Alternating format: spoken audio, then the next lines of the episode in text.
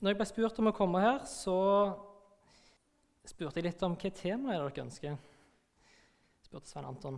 Så sa han at eh, jeg fikk friheten til å ta et tema som jeg valgte sjøl, eller søndagens tekst. Og generelt sett, Hvis jeg får friheten til å velge mellom de to, så syns jeg det er veldig kjekt å velge søndagens tekst. Og særlig når det var den teksten som var i dag, eh, der det er veldig mye spennende å ta tak i, så det et enkelt valg, syns jeg. Eh, teksten finner vi i eh, Matteus 16, 24-27. Um, men før vi fortsetter å lese den, så tror jeg jeg bare vil be litt til. Kjære far, takk for uh, denne søndagen.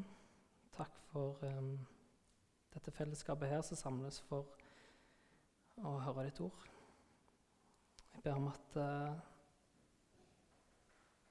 det som du har lagt på meg å dele i dag, at det må være til, kunne være til opplæring, til rettvisning, til veiledning, til oppdragelse. Sånn som, som, du, som du, sier at Skriften er. Uh, jeg ber om at din tanke må komme tydelig riktig fram.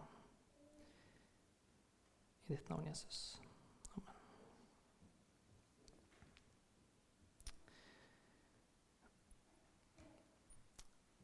Dere ser at denne teksten starter med et 'deretter'. Så vi må jo si litt om hva som var rett før, da, tenker jeg. Um, tilbake til vers 13 så finner vi ut at Jesus og disiplene de er kommet seg til distriktet rundt Cesarea Filippi. Der starter en samtale der Jesus spør disiplene sine om hvem folk sier at han er. Hvem sier folk at menneskesønnen er, og hvem sier dere at jeg er? Eh, I vers 16 der så finner vi da Simon Peters svar på dette, hans bekjennelse. Du er Messias, den levende Guds sønn. Først etter dette, eller fra da av, som det står i min bibel, så begynte Jesus å gjøre det klart for disiplene sine at han skulle lide, dø og stå opp igjen. Og dette var helt nytt stoff for disiplene. Dette var første gangen Jesus forutsa sin død for dem. Han gjør det tre ganger seinere, i kapittel 17, 20 og 26. Men disiplene hadde altså ikke hørt denne undervisninga før. Og akkurat Det er kanskje lett å glemme for oss når vi leser dette, for vi har jo lest siste sida i romanen, så vi vet hva som, kommer. Um, men dette var tydelig sjokkerende nyheter for disiplene. fall hvis vi ser etter Peters reaksjon. Han tok faktisk Jesus til side, irettesatte han og sa, 'Gud, fri deg, Herre. Dette må aldri hende deg.' Jesus snudde seg og sa til Peter, 'Vik bak meg, Satan. Du vil føre meg til fall.' Du har ikke tanke for det som Gud vil, men bare for det som mennesker vil. Og Der har vi rammene. Da har vi kommet fram til dette deretter. Vi skal lese sammen. Deretter sa Jesus til disiplene.: Om noen vil følge etter meg, må han fornekte seg sjøl, ta opp sitt kors og følge meg. For den som vil berge sitt liv, skal miste det, men den som mister sitt liv for min skyld, skal finne det. For hva gagner det et menneske om det vinner hele verden, men taper sin sjel? Eller hva skal et menneske gi som vederlag for sin sjel? For menneskesønnen skal komme i sin fars herlighet sammen med sine engler, og da skal han lønne hver og en etter det han har gjort.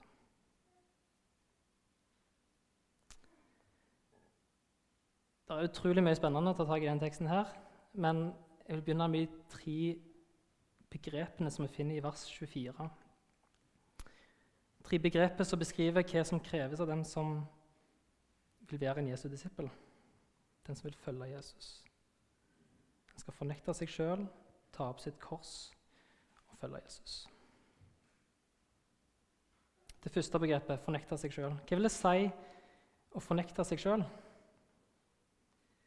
En finner faktisk dette ordet 'fornekte' det er bare brukt én annen plass i Nytestamentet.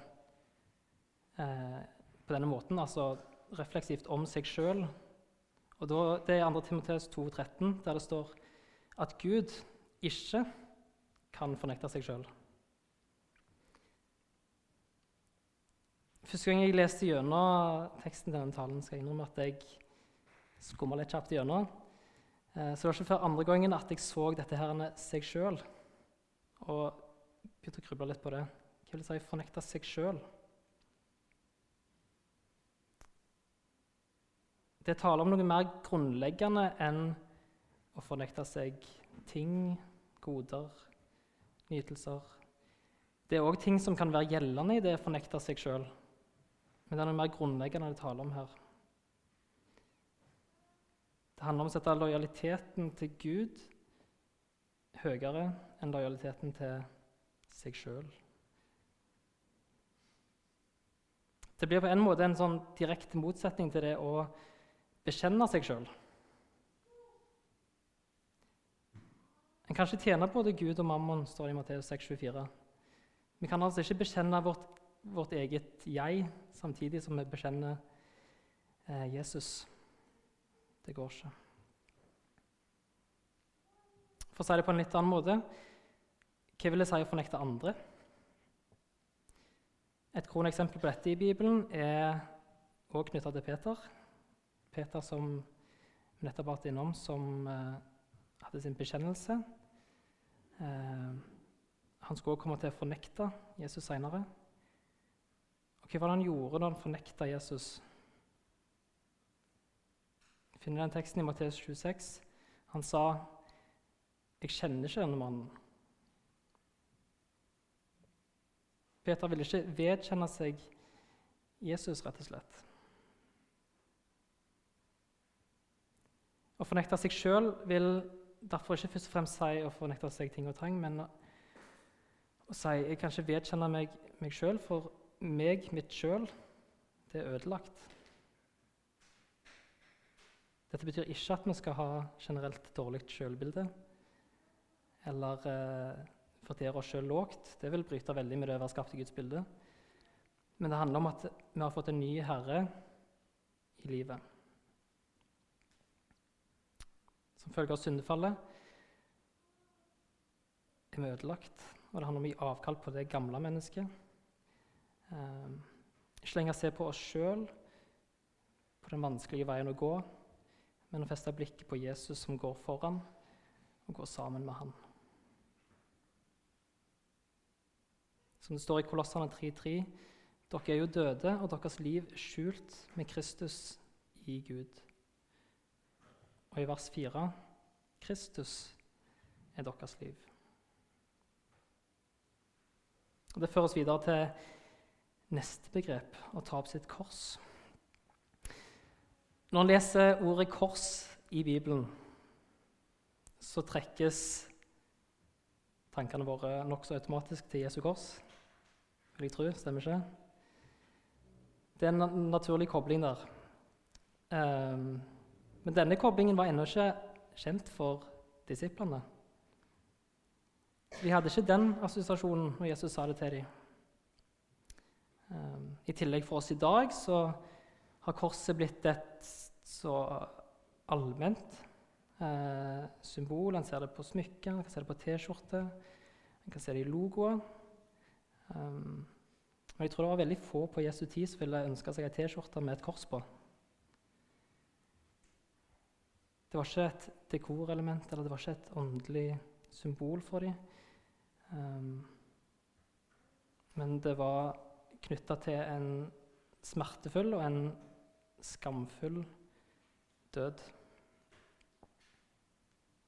Å dø på et kors var en av de verste henrettelsesmetodene jeg hadde. Både pga. det fysiske, men, men også nettopp pga. at det var så mye skam knytta til dette. Det var den ultimate skammen for den dømte og hans familie. Ikke bare å bli stilt fram sånn til spott og hån, men òg det opptoget i forkant, når han nettopp bar korset sitt. Gjennom en folkemengde, til spott og til hån.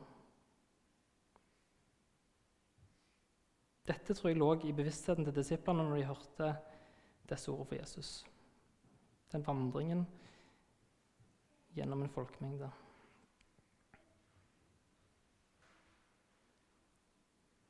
Så hva ønsker Jesus å si med dette? Hva, hva vil det si at hver og en som vil følge Jesus, må ta opp sitt kors? Det er en befaling til alle Jesu etterfølgere. En illustrasjon på hva som kreves av en disippel. Jeg kan ikke forstå det sånn at alle Jesu etterfølgere skal lide en korsdød. Det kan ikke være poenget. Men det handler heller om at som Jesu etterfølgere så skal han ta opp sitt kors, bære det gjennom folkemengder til tross for eventuell skam og hån som kommer som en konsekvens. Vi skal altså stå fast på Guds ord. Og som det er lys og som det er salt, som allerede er som følge av å være Guds barn, så skal vi ikke gjemme dette lyset under et kar, men skal sette det i staken sånn at det lyser for alle i huset. Det handler ikke om å søke lidelse eller framprovosere prøvelser. Men det handler om å leve etter Jesu ord. Å leve etter det Gud lærer oss i Bibelen, uansett hva det måtte koste. I stad var jeg inne på dette at en skulle fornekte seg sjøl. Nå har jeg lyst til å understreke det andre ordet sitt. Sitt kors. Jesus kaller sine etterfølgere til å plukke opp sitt kors. Det er ikke en generell befaling om å ta opp ett kors, men sitt. Vi skal ikke gå rundt og lete etter et kors å bære. Det er allerede forberedt for oss. Vi skal bære det kors som har blitt gitt oss. Et kors som Gud har tildelt nettopp deg.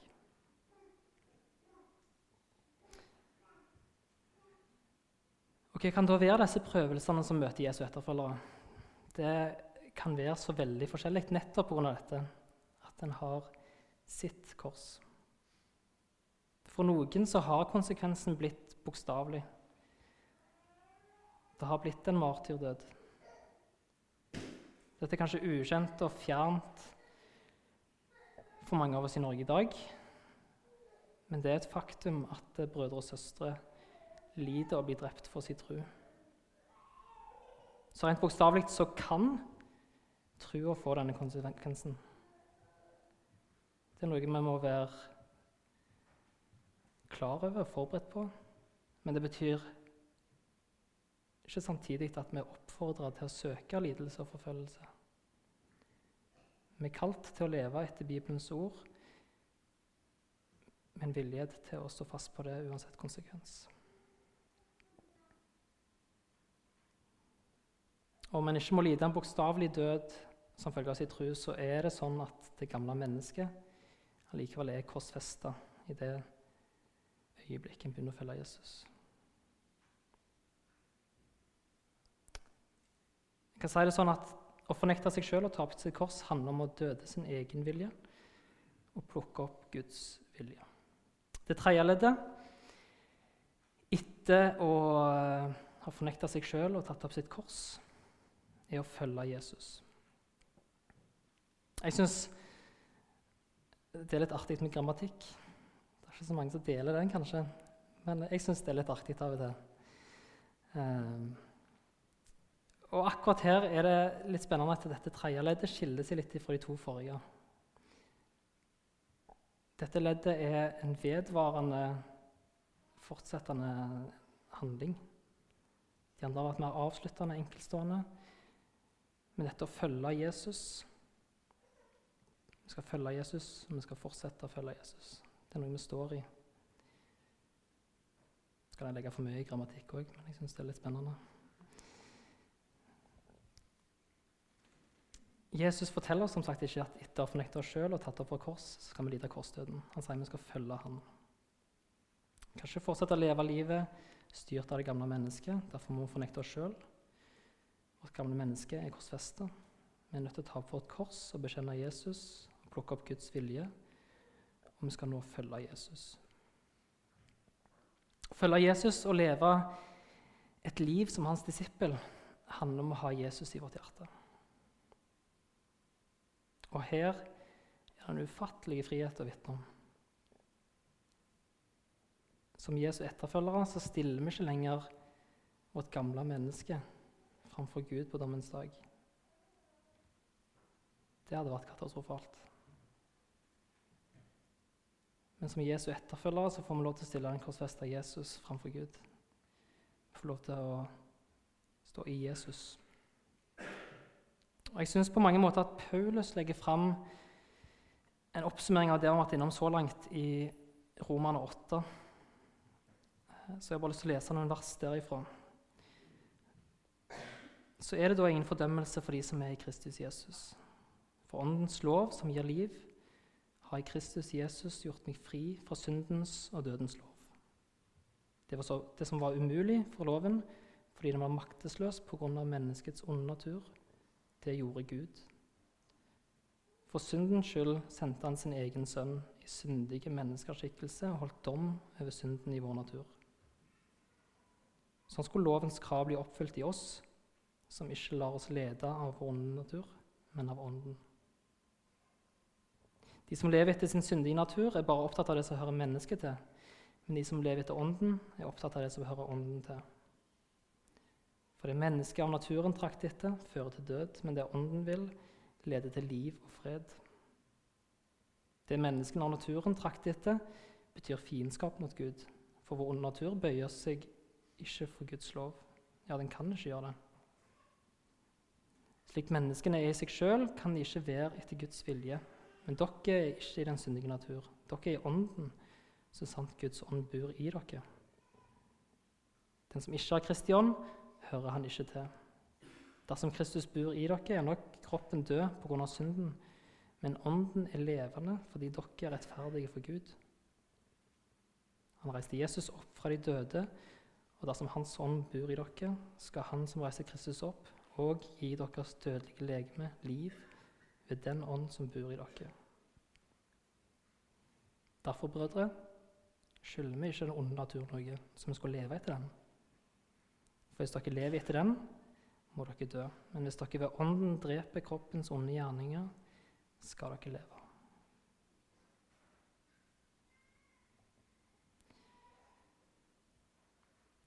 Så langt har vi holdt oss i vers 24. Det er kanskje noen som begynner å bli litt bekymra for at jeg skal bruke like lang tid på de andre versene. Det skal jeg ikke. Eh, men vi må ta dem med, for det er noen opplysende vers som følger her. Så vi kan se opp over de. For hva er det, det som følger her, er selve eh, bakgrunnen for hvorfor en må fornekte seg sjøl, ta opp sitt kors og følge Jesus. Jesus legger fram tre punkt som grunnlag for dette. I vår bibel så har de overskrifter vers 25, 26 og 27.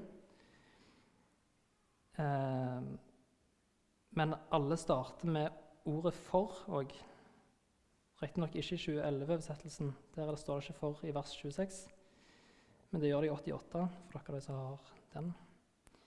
Eh, og En finner det òg i den greske teksten. Så vi skal ta for oss disse tre forra. De to første forene i vers 25 og 26. En skal altså fornekte seg sjøl, ta opp sitt kors og følge Jesus. For den som vil berge sitt liv, skal miste det. Men den som mister sitt liv for min skyld, han skal finne det. Og det andre en skal fornekte seg sjøl, ta opp sitt kors og følge Jesus. For hva gagner det et menneske om det vinner hele verden, men taper sin sjel? Eller hva kan et menneske gi til vederlag for sin sjel? Disse to første forene vitner om den nye etterfølger ikke kan bevare det nåværende liv dersom han ønsker å vinne det evige liv. Som vi leser i 2. Korinterne 5,17.: Derfor, hvis noen er i Kristus, er han en ny skapning. Det gamle er borte. Se, det nye er blitt til. Ved å følge Jesus gir han slipp på det gamle, eh, forgjengelige livet og takker ja til det evige livet som Gud vil gi oss. Jeg kan trekke en liten parallell til Matteus 8, 22, eh, der det kommer en disippel til Jesus. Eh, han responderer på Jesu kall til å følge han, og sier, 'La meg bare først gå hjem og begrave min far.' Hvorpå Jesus svarer, 'Følg du meg, og la de døde begrave sine døde.' Ordet 'død' er her brukt i to litt ulike betydninger. Jødene brukte ofte ordet 'død' for å beskrive likegyldighet eller at noe ikke har makt over meg lenger. Um, så når jeg leser i Bibelen om at verden har blitt korsfesta eller døde ved, ved Kristi kors, at vi døde, ikke står under loven, eller at vi er for synden, så betyr det at disse ikke lenger har makt over oss, at vi er satt fri. Og at disse er som døde for oss, er vel det nærmeste norske uttrykket. Verden, loven og synden har ikke lenger makt over oss. Så det Jesus sier, er følg meg, og la de som er likegyldige til meg, til deg lære, begrave sine døde. Denne disippelen som ønska å følge Jesus, men ba om å få begrave sin far først, han hadde en god og rett tanke. Det var en rett tanke til loven. Dette visste Jesus. Det var en rett tanke å lyde sine foreldre, vise mildhet, vise godhet, vise respekt ved deres død. Og Jesus kjenner godt til dette, men han lærer denne disippelen, han lærer oss, at hvis Jesus kaller oss til å følge ham, så er det viktigere enn alt annet.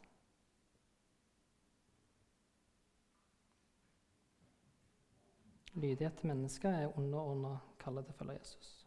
Jesus tegner altså her konturene av et annerledes liv for disiplene. En kan si at selvhevdelse, det å gjøre seg sjøl til herre, er i bunn og grunn synders rot. Det er å ønske å stille seg over Gud og hans vilje. Men hva gagner det oss om vi skulle vinne hele verden, om vi skulle være vår egen herre, men på vår sjel? Hva kan vel et menneske gi som vederlag for sin sjel? Ingenting. Vi har ingenting å gi til vederlag for vår sjel. Og nettopp derfor har vi evangeliet. Derfor måtte Guds sønn lide og dø. Jesus er vederlaget. Det siste forret er et alvorsprega for. Skal fornekte seg sjøl, ta opp sitt kors og følge Jesus. For menneskesønnen skal komme i sin fars herlighet sammen med sine engler og skal da gi enhver igjen etter det han har gjort. Jesu gjenkomst er et gledelig øyeblikk for Guds barn, men ikke for de som ikke kjenner Jesus som sin herre og frelser. Vi leser i den apostoliske bekjennelsen Jesus skal komme igjen for å dømme levende og døde. Dette forret som kommer her, er derfor et alvorlig for. Ingen har råd til å vente med å ta stilling til Jesus. Det er noe som haster. Jesus siterer her Salme 62, 13, der det står For du lønner enhver etter det han har gjort. Det er et vidt begrep, men vi er nødt til å forstå det her inne i den konteksten som Jesus bruker dem. Det handler ikke om en generell betegning av gjerninger, men her er det knyttet opp til det å følge Jesus. Det du og meg har gjort, er om vi har valgt å fornekte oss sjøl, ta opp vårt kors og følge Jesus. Dommen vil utmåles etter det mål. Har du fulgt Jesus og klamra deg til korset?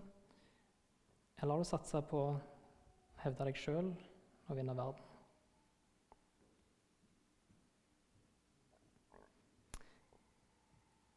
Det er noen kjempesentrale vers vi har vært gjennom her. Det er helt i kjernen av budskapet i rettferdiggjørelsen. Å bli og å være en Jesu etterfølger er et annerledes liv. Det handler om å se det gamle mennesket korsfesta fornekte seg sjøl og si nei til sin egen vilje. Samtidig handler det om å leve etter Guds vilje, uansett hvilken konsekvens det måtte få. ta opp sitt kors. Og Det handler om å vedvarende, dag for dag, velge å feste blikket på Jesus, følge han, vandre med han. For hvis vi forsøker å hevde vårt eget sjøl og være vår egen herre framfor Jesus som herre, vil vi miste livet. Det fins ingenting vi sjøl kan gjøre for å frelse oss sjøl. Kristus alene er vår redning. Det er han alene som er veien. Uten Jesus som mellommann så står vi for Guds trone på dommens dag med oss sjøl, presenterer vårt gamle menneske. Men i trua på Jesus så får vi stille, fram, stille oss fram i Jesus og i hans frelsesverk. For de av oss som er truende, så kan dette være ransakende vers å ta med seg. Da kan en ta med seg bønner fra Salme 139, 23-24. Ransak meg, Gud, og kjenn mitt hjerte. Prøv meg og kjenn mine tanker. Se om jeg er på den onde vei, og led meg på evighetens vei. Samtidig så er det takknemlige vers. Vers som gir grunn til takk for Jesu frelsesverk. Grunn til takk for din og min mulighet til å høre evangeliet forkynt. Og På den andre sida ligger det et alvor i dette. En nød for de som ikke har tatt imot Jesus som Herre og Frelser. Hvis dette gjelder noen av dere her i dag, så håper jeg at denne teksten har fått vise dere litt mer hva det vil si å følge Jesus. Og så håper jeg at du ikke setter Jesus på vent når han kaller deg til å følge han. Da får jeg oppfordre til å snakke med noen om det kjenner jo ikke jeg dere, så jeg eh, vet ikke hvem jeg snakker til. sånn sett. Snakk med noen om det, eller gå til forbønn etterpå hvis dette traff deg. Jeg bare be til slutt. Kjære far. Takk for at vi får lov til å ta imot nåden helt ufortjent. Takk for at vi har fått anledning til å høre evangeliet forsynt og muligheten til å ta imot deg. Jeg ber om at ditt ord her nå må få virke hver og en i dagene og ukene som kommer. I Jesu navn.